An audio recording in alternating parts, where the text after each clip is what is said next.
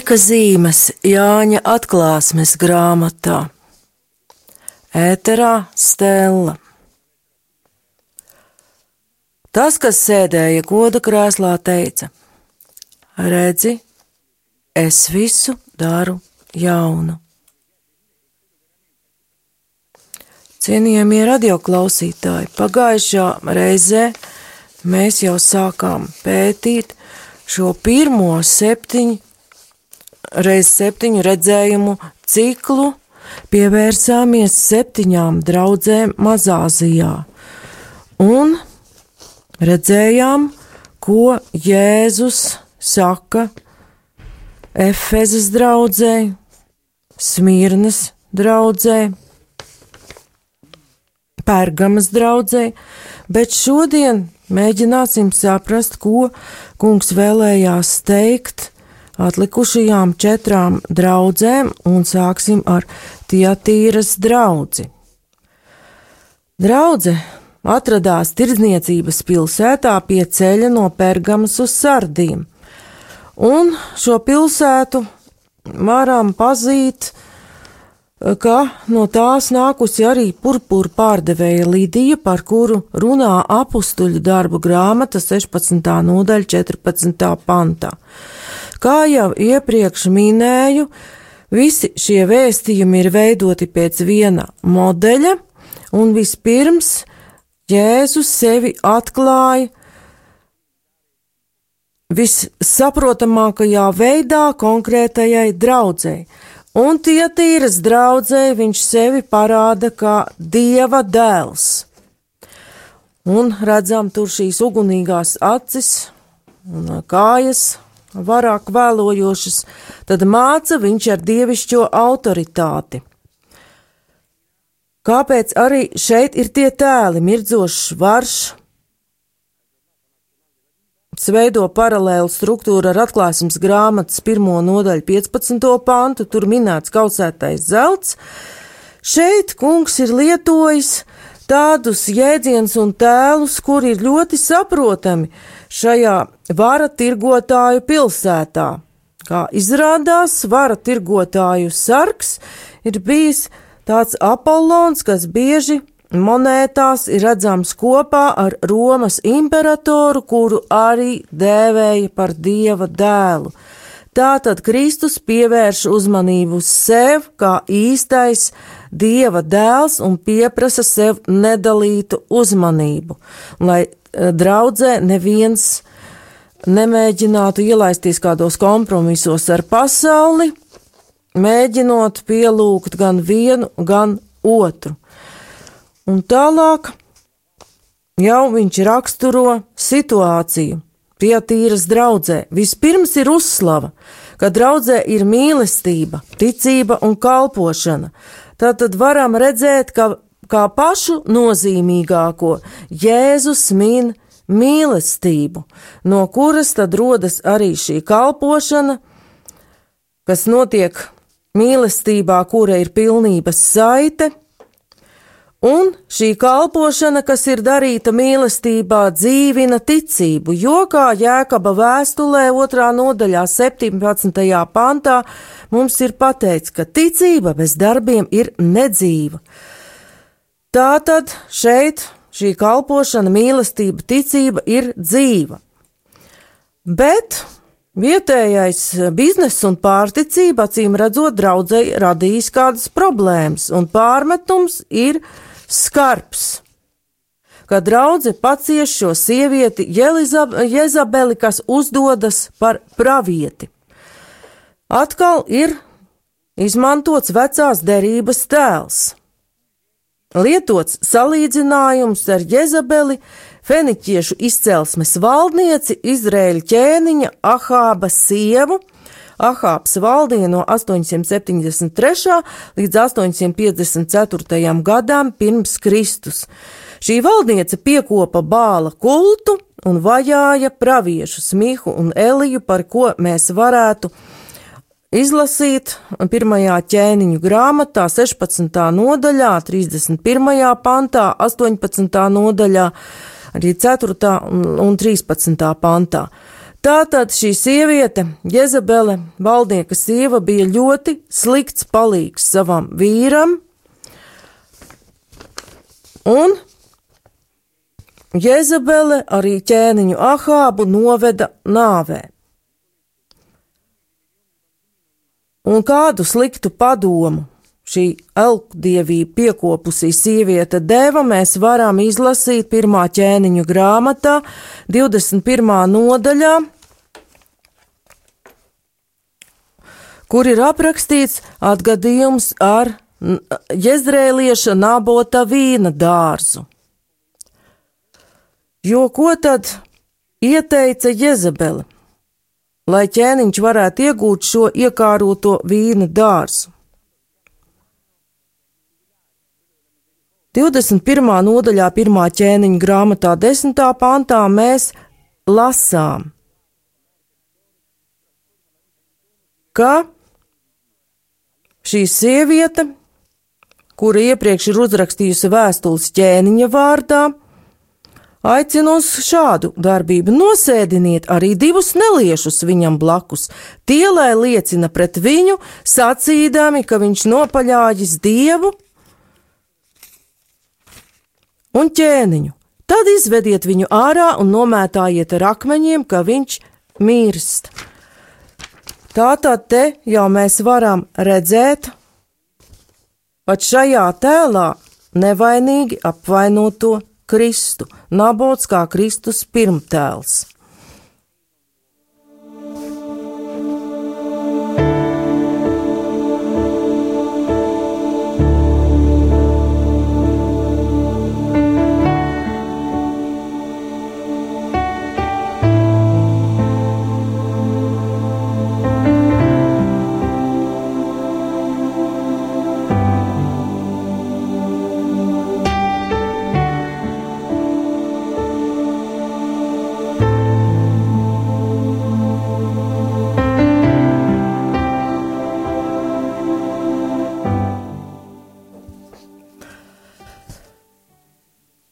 Tātad no tā, ka autors lietojas šo tēlu,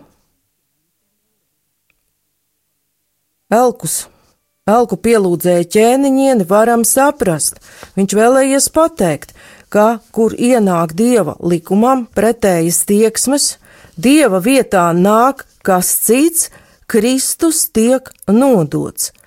Bet, runājot par tietīras draudzi, var saprast, ka tiek aprakstīta kāda konkrēta persona, kam draudzē ir ietekme, kura aicina piekopt netiklību, elst, ēst elku upurus, tā tad var domāt, ka izplatīja mācību, kurai sekojot, draudzes locekļi varēja teikt, sēdēt uz diviem krēsliem gan būt draudzē, gan piedalīties pagānu rituālos, kas ietvēra arī seksuālu izlaidību. Tātad baznīca tietīrā bija iecietīga. Iespējams, kādu šīs sievietes spēju dēļ, varbūt viņa bija arī turīga, nav teikts tieši kāpēc baznīca bija iecietīga. Varbūt arī tādēļ viņa tika labprāt pieņemta, lai draudzes locekļi, kam tas bija nozīmīgi un svarīgi, neizietu no tirgotāju aprites, kuru kopējiem mīlestiem nereti bija reliģisks raksturs. Ir brīdinājums arī par šiem sātana dziļumiem. Tur Jēzus runā, ka tie, kas tos nav iepazinuši, bet to varētu saprast pat divējādi. Ir eksigēti, kas secina, ka Jēzebeles sekotāji runājuši par sātans mistērijām tā, it kā runātu par dieva dziļumiem, un šādi ieveduši draudzes locekļus maldos.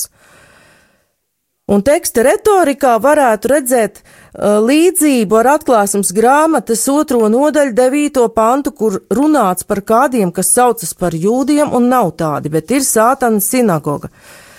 Ir jāpadomā par vārdu kā viņi saka, interpretāciju.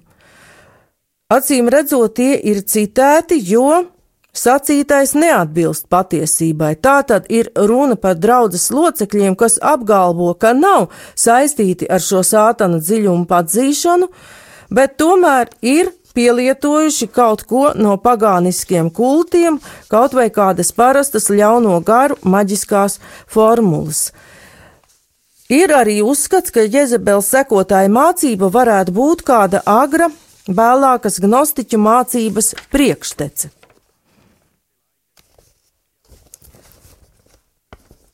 Tā tad,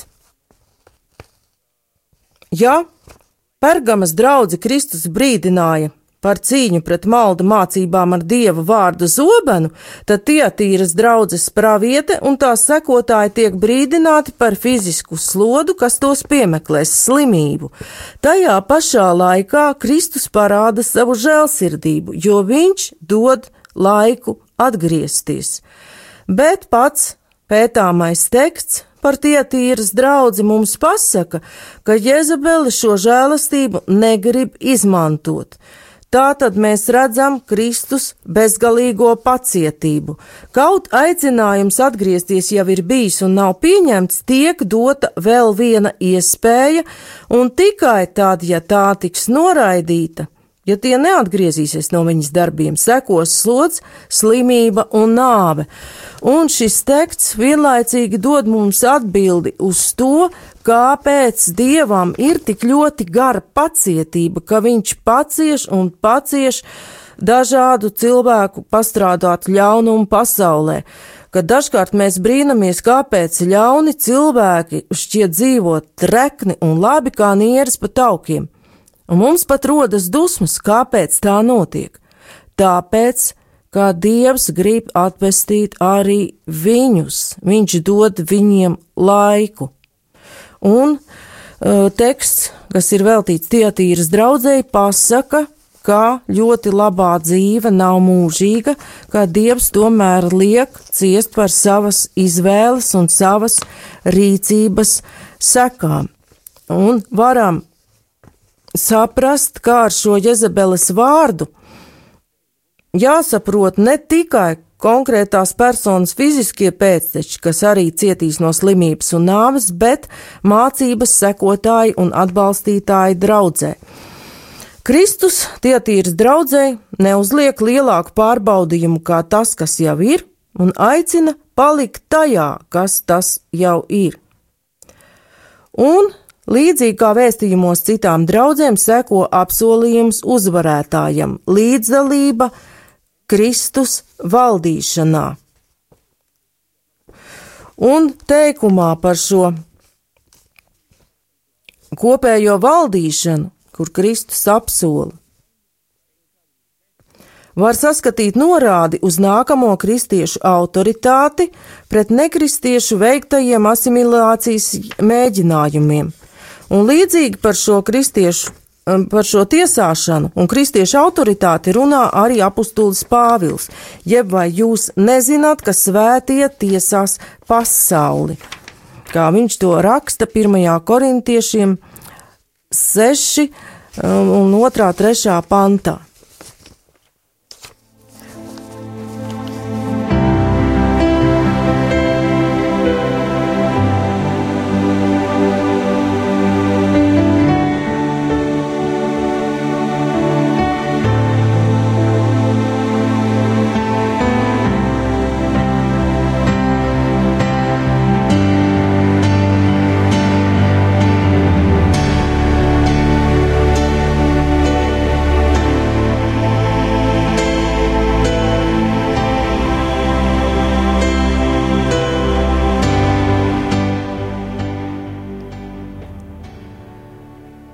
Vēstījums Tietīras draudzē beidzas ar lielu kunga apsolījumu, un es došu viņam rīta zvaigzni, ar ko mēs saprotam, ka tas ir pats kungs, uz ko mums norāda atklāsmes grāmatas 22. nodaļas 6. pants. Es esmu Dāvida sakne un dzimums spožā rīta zvaigzne. Nākamais vēstījums ir adresēts sardu draudzēji, kas bija kļuvusi par ievērojamu vilnas un vadmālas rūpniecības centru. Tā tad acīm redzot arī turīga pilsēta, un Jēzus uzrunā šo draugu kā tas, kam septiņi dieva gari un kam septiņas zvaigznes. Un ar šiem septiņiem dieva gariem mēs saprotam svētā gara pilnību, jo skaitlis septiņi Bībelē ir pilnības skaitlis. Un jau noskaidrojām, ka septiņas zvaigznes attiecīgi ir mazāzijas draugu vadītāji. Un, ja lasām visus šos Kristus vēstījumus mazāzijas draudzēm, redzam, ka tikai divas no tām, sardu un laudikejas draudzes, necieš nekādus pārbaudījumus, ir labvēlīgos apstākļos, bet tajā pašā laikā garīgi ir inertas, kūtras un nesaņem nekādu uzslavu. Un sardu draudzes stāvokli Kristus raksturo kā ļoti sliktu. Tev ir vārds, ka tu dzīvo, bet tu esi miris. Tā tad tā ir bijusi draudzene ar tādu solīdu reputāciju, iespējams, ar ietekmi sabiedrībā, liel, liels draudzes locekļu skaits, ietekmīgi draudzes locekļi, ir dažādas aktivitātes un pienācīgi materiāli resursi, bet tie kalpo tikai labas reputācijas uzturēšanai. Un Jēzum par šo lietu ir pilnīgi cits viedoklis nekā cilvēkiem. Es neatradu tavus darbus pilnīgus mana dieva priekšā. Tātad kopienā viņš ir atradis iekšēju apātiju un pašapmierinātību. Un kungs, draugi, vēlas uzmodināt ar šo brīdinājumu par negaidītu savu nākšanu, kur lietots ir zagļa tēls. Es nākšu kā zaglis, kas atklāja vispārēju dziļu krīzi un galu. Un varam ievērot, ka arī dažādās krīzes, kas pasaulē nāk parasti, ir ļoti negaidītas. Šī dieva pedagoģija cilvēkiem vienmēr ir negaidīta. Un Kristus atgādina draudzēji par to, ka te ir vārds, kas liek domāt par kādu reģistru, ko var izprast kā netiešu norādi uz dzīvības grāmatu, kas atklāsmes grāmatā minēta vairāk kārt. Un atklāsmes grāmatā 3.5 šis jēdziens ir atklāts kā iespēja atrasties dzīvības reģistrā tiem, kas uzvar. Un to var izprast kā tos, kas grib ieiet jaunajā Jeruzalemē. Kristus nepārmet nekādu iecietību pret maldu mācībām vai to sludinātājiem, bet konstatē, tev ir maz sardos tādu, kas nav aptraipījuši drēbes. Un aptraipītas drēbes ir vispārējais simbols grēka klātbūtnē. Citā nozīmē tīras drēbes simbolizē šķīstību un jaunu sākumu kristībā, ko sardu draudzē ir saglabājuši tikai daži. Nedaudzo baltās drēbes, kuri būs kopā ar Kristu, simbolizē pagodinātu augšām celtu miesu, ko saņems uzticīgie. Un baltas drēbes šis jēdziens nāk arī no romiešu kultūras, jo baltas drēbes nesāja uzvarām bagāti Romas karavadoņi savā triumfa gājienā. Tā tad var pieņemt, ka tās šajā tekstā raksturo visu augšām celto apskaidroto ķermeni, visu šo apskaidrības diženumu, kas caurstrāvo arī šo tērpu. Tātad tā ir augšām celtā cilvēka identitāte. Bet nākamo Jēzus uzrunā Filadelfijas draugu. Tā ir pilsēta, kas daudzas reizes bija cietusi zemestrīcē, mazpilsēta uz dienvidiem no Sārdu pilsētas, un tur, tāpat kā Smirnā, bija spēcīga jūdu kolonija, no kuras jau kādi cilvēki sāka pieņemt kristietību. Vēstule norāda uz kristiešu un jūdu kontaktu sagatavošanu. Kristus parādās kā vecās derības apsolījumu piepildītājs. Svētais, patiesīgais, kam Dāvida atslēga. Tad Filadelfijas jūdiem tiek atgādināta vecās derības dievbijība. kuras cerības un gaidas tiek piepildītas Kristus personā. Līdzīgi visu valdītājs tiek nosaukts arī atklāsmes grāmatā, 6. nodaļā, 10. pantā. Šī Kristus atklāšanās liek domāt arī par vēstulē ietvertu pas, kādu pastorālu nodomu, ka pasludināšanai Filadelfijas jūdiem jānotiek izmantojot vecās derības tēlus, lai veidotu šo tiltu starp veco derību un jauno derību.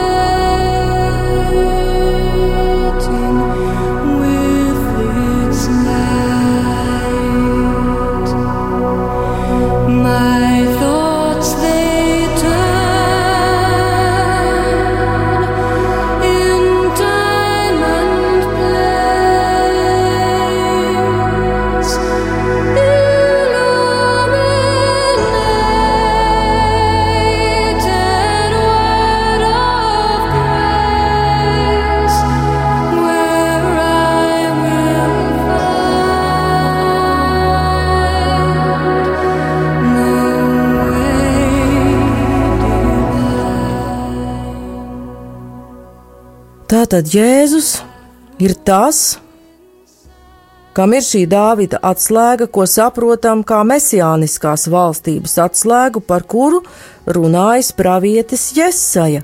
Un es likšu Dāvida nama atslēgu uz viņa pleciem, un viņš atvērs, un neviens neaizvērs, un viņš aizslēgs, un neviens neatslēgs. Iesaigas grāmata, 22. nodaļa, 22. pants. Un jaunajā derībā Jēzus pats izskaidro šo vecās derības vārdu piepildījumu, kad viņš saka Jāņa evaņģēlija desmitajā nodaļā: Patiesi, patiesi es jums saku, es esmu durvis, kas ved pie avīm. Līdz ar to šai Filadelfijas draudzēji Kristus caur vecās derības simboliem parādās un tiek atklāts kā vienīgais starpnieks starp dievu un cilvēci. Teksts par Filadelfijas draugu atklāja, ka tā nav pieauguša draudzene, nedara nekādus lielus darbus, tās darbi nav pat minēti, bet Kristus uzslavē šo mazo draugu par uzticību. Atklāsmes grāmatā 3.8. viņš saka, manu mācību tu esi turējis un neaiz, neesi aizliedzis manu vārdu. Un apsolījumos draudzē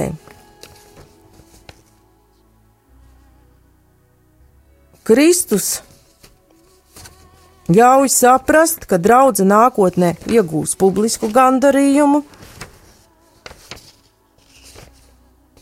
Tā tiek brīdināta, ka būs pārbaudīšana, un saņem tiešas Kristus aizgādības apsolījumu: Es tevi sargāšu pārbaudīšanas stundā, kas nāks pār visu pasauli pārbaudīt tos, kas dzīvo virs zemes.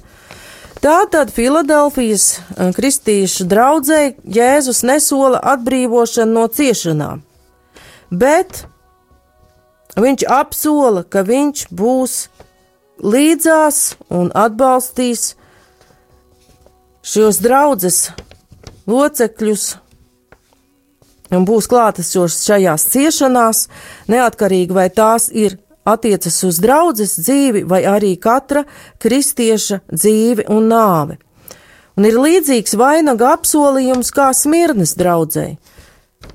Bet Filadelfijas draudzene tiek aicināta turēties pie tā, kas tam, kas jau tai ir, ar ko domāt Kristus mācība un viņa vārds, kam draudze bijusi uzticīga. Es nāku drīz turi, kas tev ir, ka neviens neatņem tavu vainagu. Tātad šodienas kristietim šis vārds pasaka, kad uzticīgi turēties pie tā, kas jau ir saņemts. Un nepievērsties un pat neapskaust tos, kas varbūt mūsu acīm skatoties dara lielākus un varenākus darbus. Un kā par pēdējo runāsim šodien par Laudikejas draudzi, ar kuru Jēzus runā atklāsmes grāmatas trešajā nodaļā no 14. līdz 21. pantam. Septiņu mazāzijas pilsētu vidū Laudikeja ir īpaša pilsēta, tāda patvaļīga pilsēta, un šķiet, ka apkārt valdošais garīgais klimats šajā ziedošajā un bagātajā pilsētā ir, var teikt, apstulbinājis arī šīs pirmkristīgās draudzes piederīgos.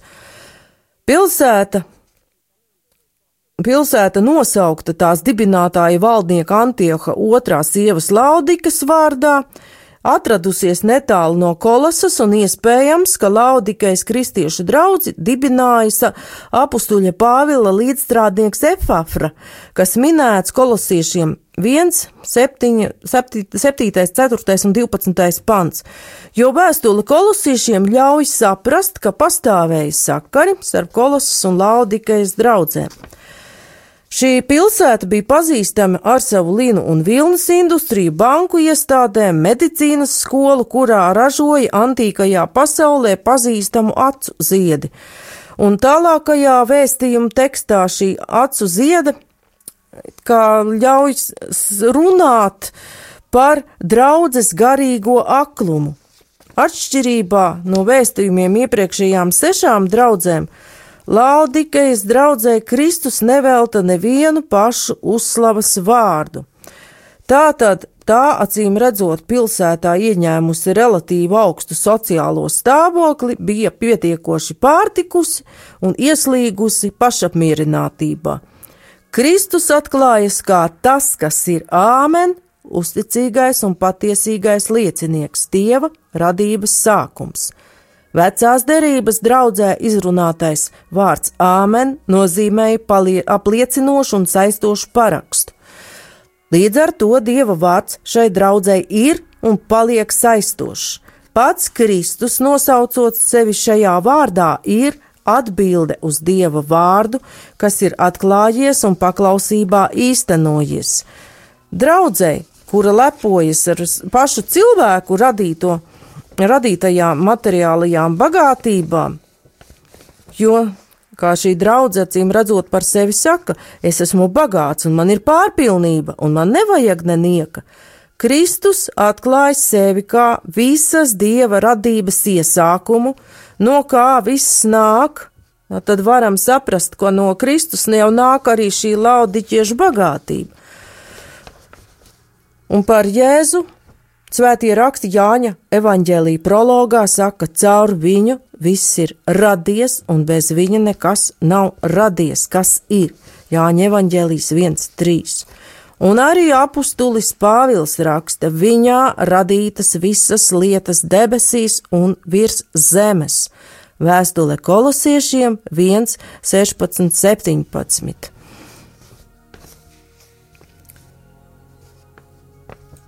Un šos vārdus patiesīgais liecinieks labāk paskaidro Jāņa evaņģēlija 8. nodaļa 14. pāns.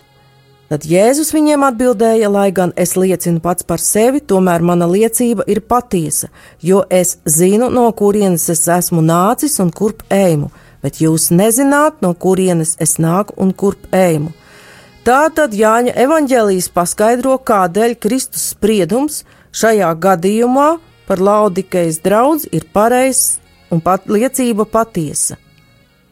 Jēzus pats saka, mans spriedums ir pareizs, jo es neesmu viens, bet es un tēvs, kas man ir sūtījis. Kā jau teicu, Kristus draudzē neizsaka nevienu uzslavu bet nav minēti arī nekādi konkrēti ļauni darbi, vajāšanas vai maldu mācības, ar ko draudzēji būtu jācīnās. Tātad izcili labi apstākļi. Bet tai tiek izteikts pārmetums par tās garīgo stāvokli, atrašanos remdenībā. Tā ir ērta vienaldzība, kompromiss starp kristietību un pasaulīgu dzīvesveidu, bet pats Kristus Mateja evaņģēlijā ir mācījis, ka neviens nevar kalpot diviem kungiem. Vai viņš vienu ienīdīs un otru mīlēs, jeb viņš vienam pieķersies un otru atmetīs. Jūs nevarat kalpot dievam un mantai. Matei evaņģēlijas 6,24. Un tas ļoti eh, labi ir saprotams un attiecas arī uz mums, mūsdienu kristiešiem. Mēs nevaram vienlaicīgi ticēt bankai, ticēt ērtībām un ticēt Kristum. Tad Kristus Bēlas, lai laudikejas draudze būtu karsta, nu dedzīgi nodevusies viņam, vai arī tās iemītnieki būtu augsti tādi, kas vēl nekad nav nākuši pie ticības un vēl Kristu nepazīst. Bet draudze atrodas tādā pagrimstošā ticības stāvoklī, tuvu augstumam, si tāda, ne šāda, ne tāda, kā tautas valodā var teikt, ne zivs, ne gaļa, un Kristum tas nav pieņemami. Viņš saka, es tevi izspļaušu no savas mutes.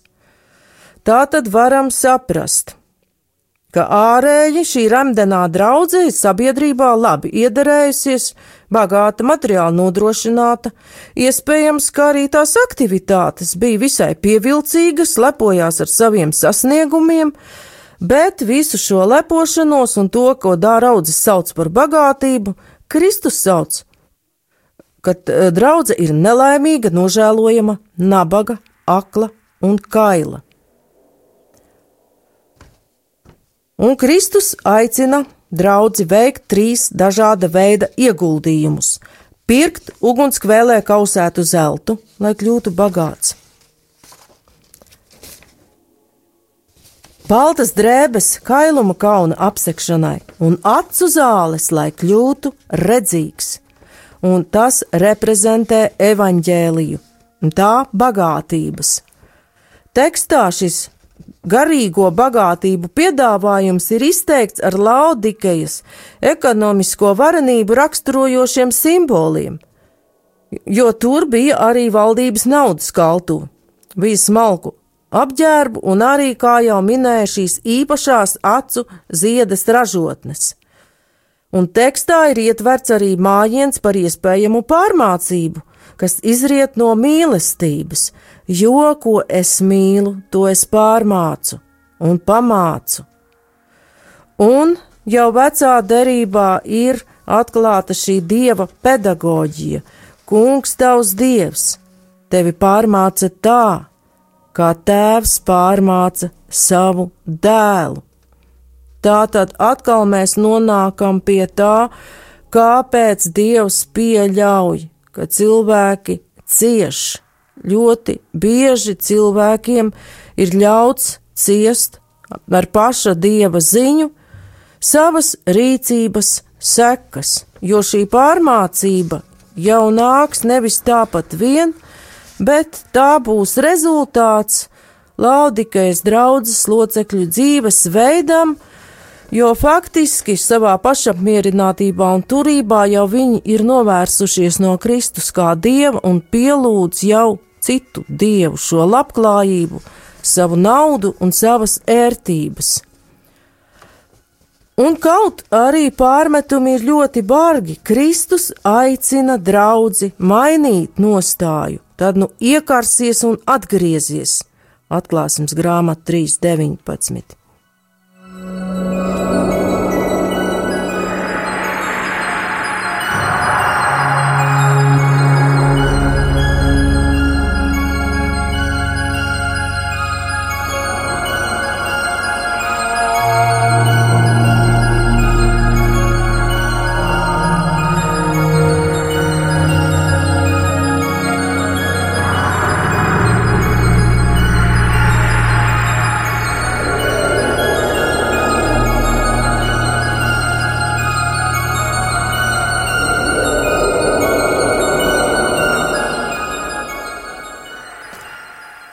tālākais teksts atklāsmes grāmatā arī satur norādes uz veco derību, un var saprast, ka draudzi kungs kaut gan ir izteicis tik ļoti bargus pārmetumus, un pat ir sacījis, es izpļaušu no savas mutes, ja tu paliksi tāda remdena.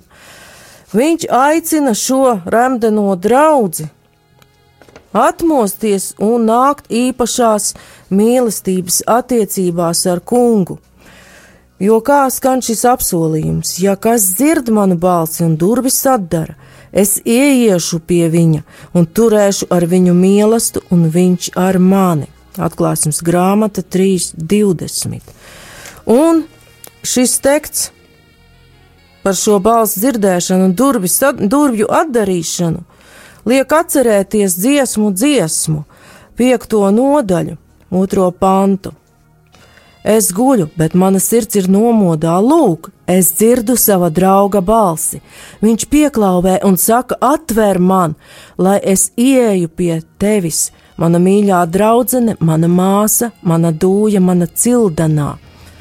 Tā tad Jēzus uzrunā šo aizmigušo kūtro draugu, kā līgavu, lai tā mostas un atver kungam savam līgavainim. Un tālāk jau seko atkal uzvarētājām dāvātie apsolījumi tām, kas uzvar. Es došu sēdēt pie manis uz mana goda krēsla tā, kā es esmu uzvarējis un sēdu pie mana tēva uz viņa goda krēsla. Atklāsmes grāmata 3.21. Un šo kopīgo mīlestību jau varam saprast kā eskatoloģisko mīlestību, kurā visi būs kopā bet tajā pašā laikā katrs vienatnē ar kungu, kā šī dziesmu, dziesmas līgava, kad viņa atvērs šīs durvis. Bet goda krēsls pantā ir žēlastības vieta un mūžīgās dzīves apsolījums tam, kas uzvar. Kā esam ielūkojušies vēstījumos, septiņām draudzēm, kas vienlaicīgi ir vēstījumi visai baznīcai līdz laiku beigām, tātad arī mums visiem, jo kungs vēlas mūs visus, lai mēs esam klātesoši šajā eskatoloģiskajā mīlestā, bet nākamajos raidījumos jau pievērsīsimies septiņu zīmogu atvēršanai. Ar jums studijā bija Stella.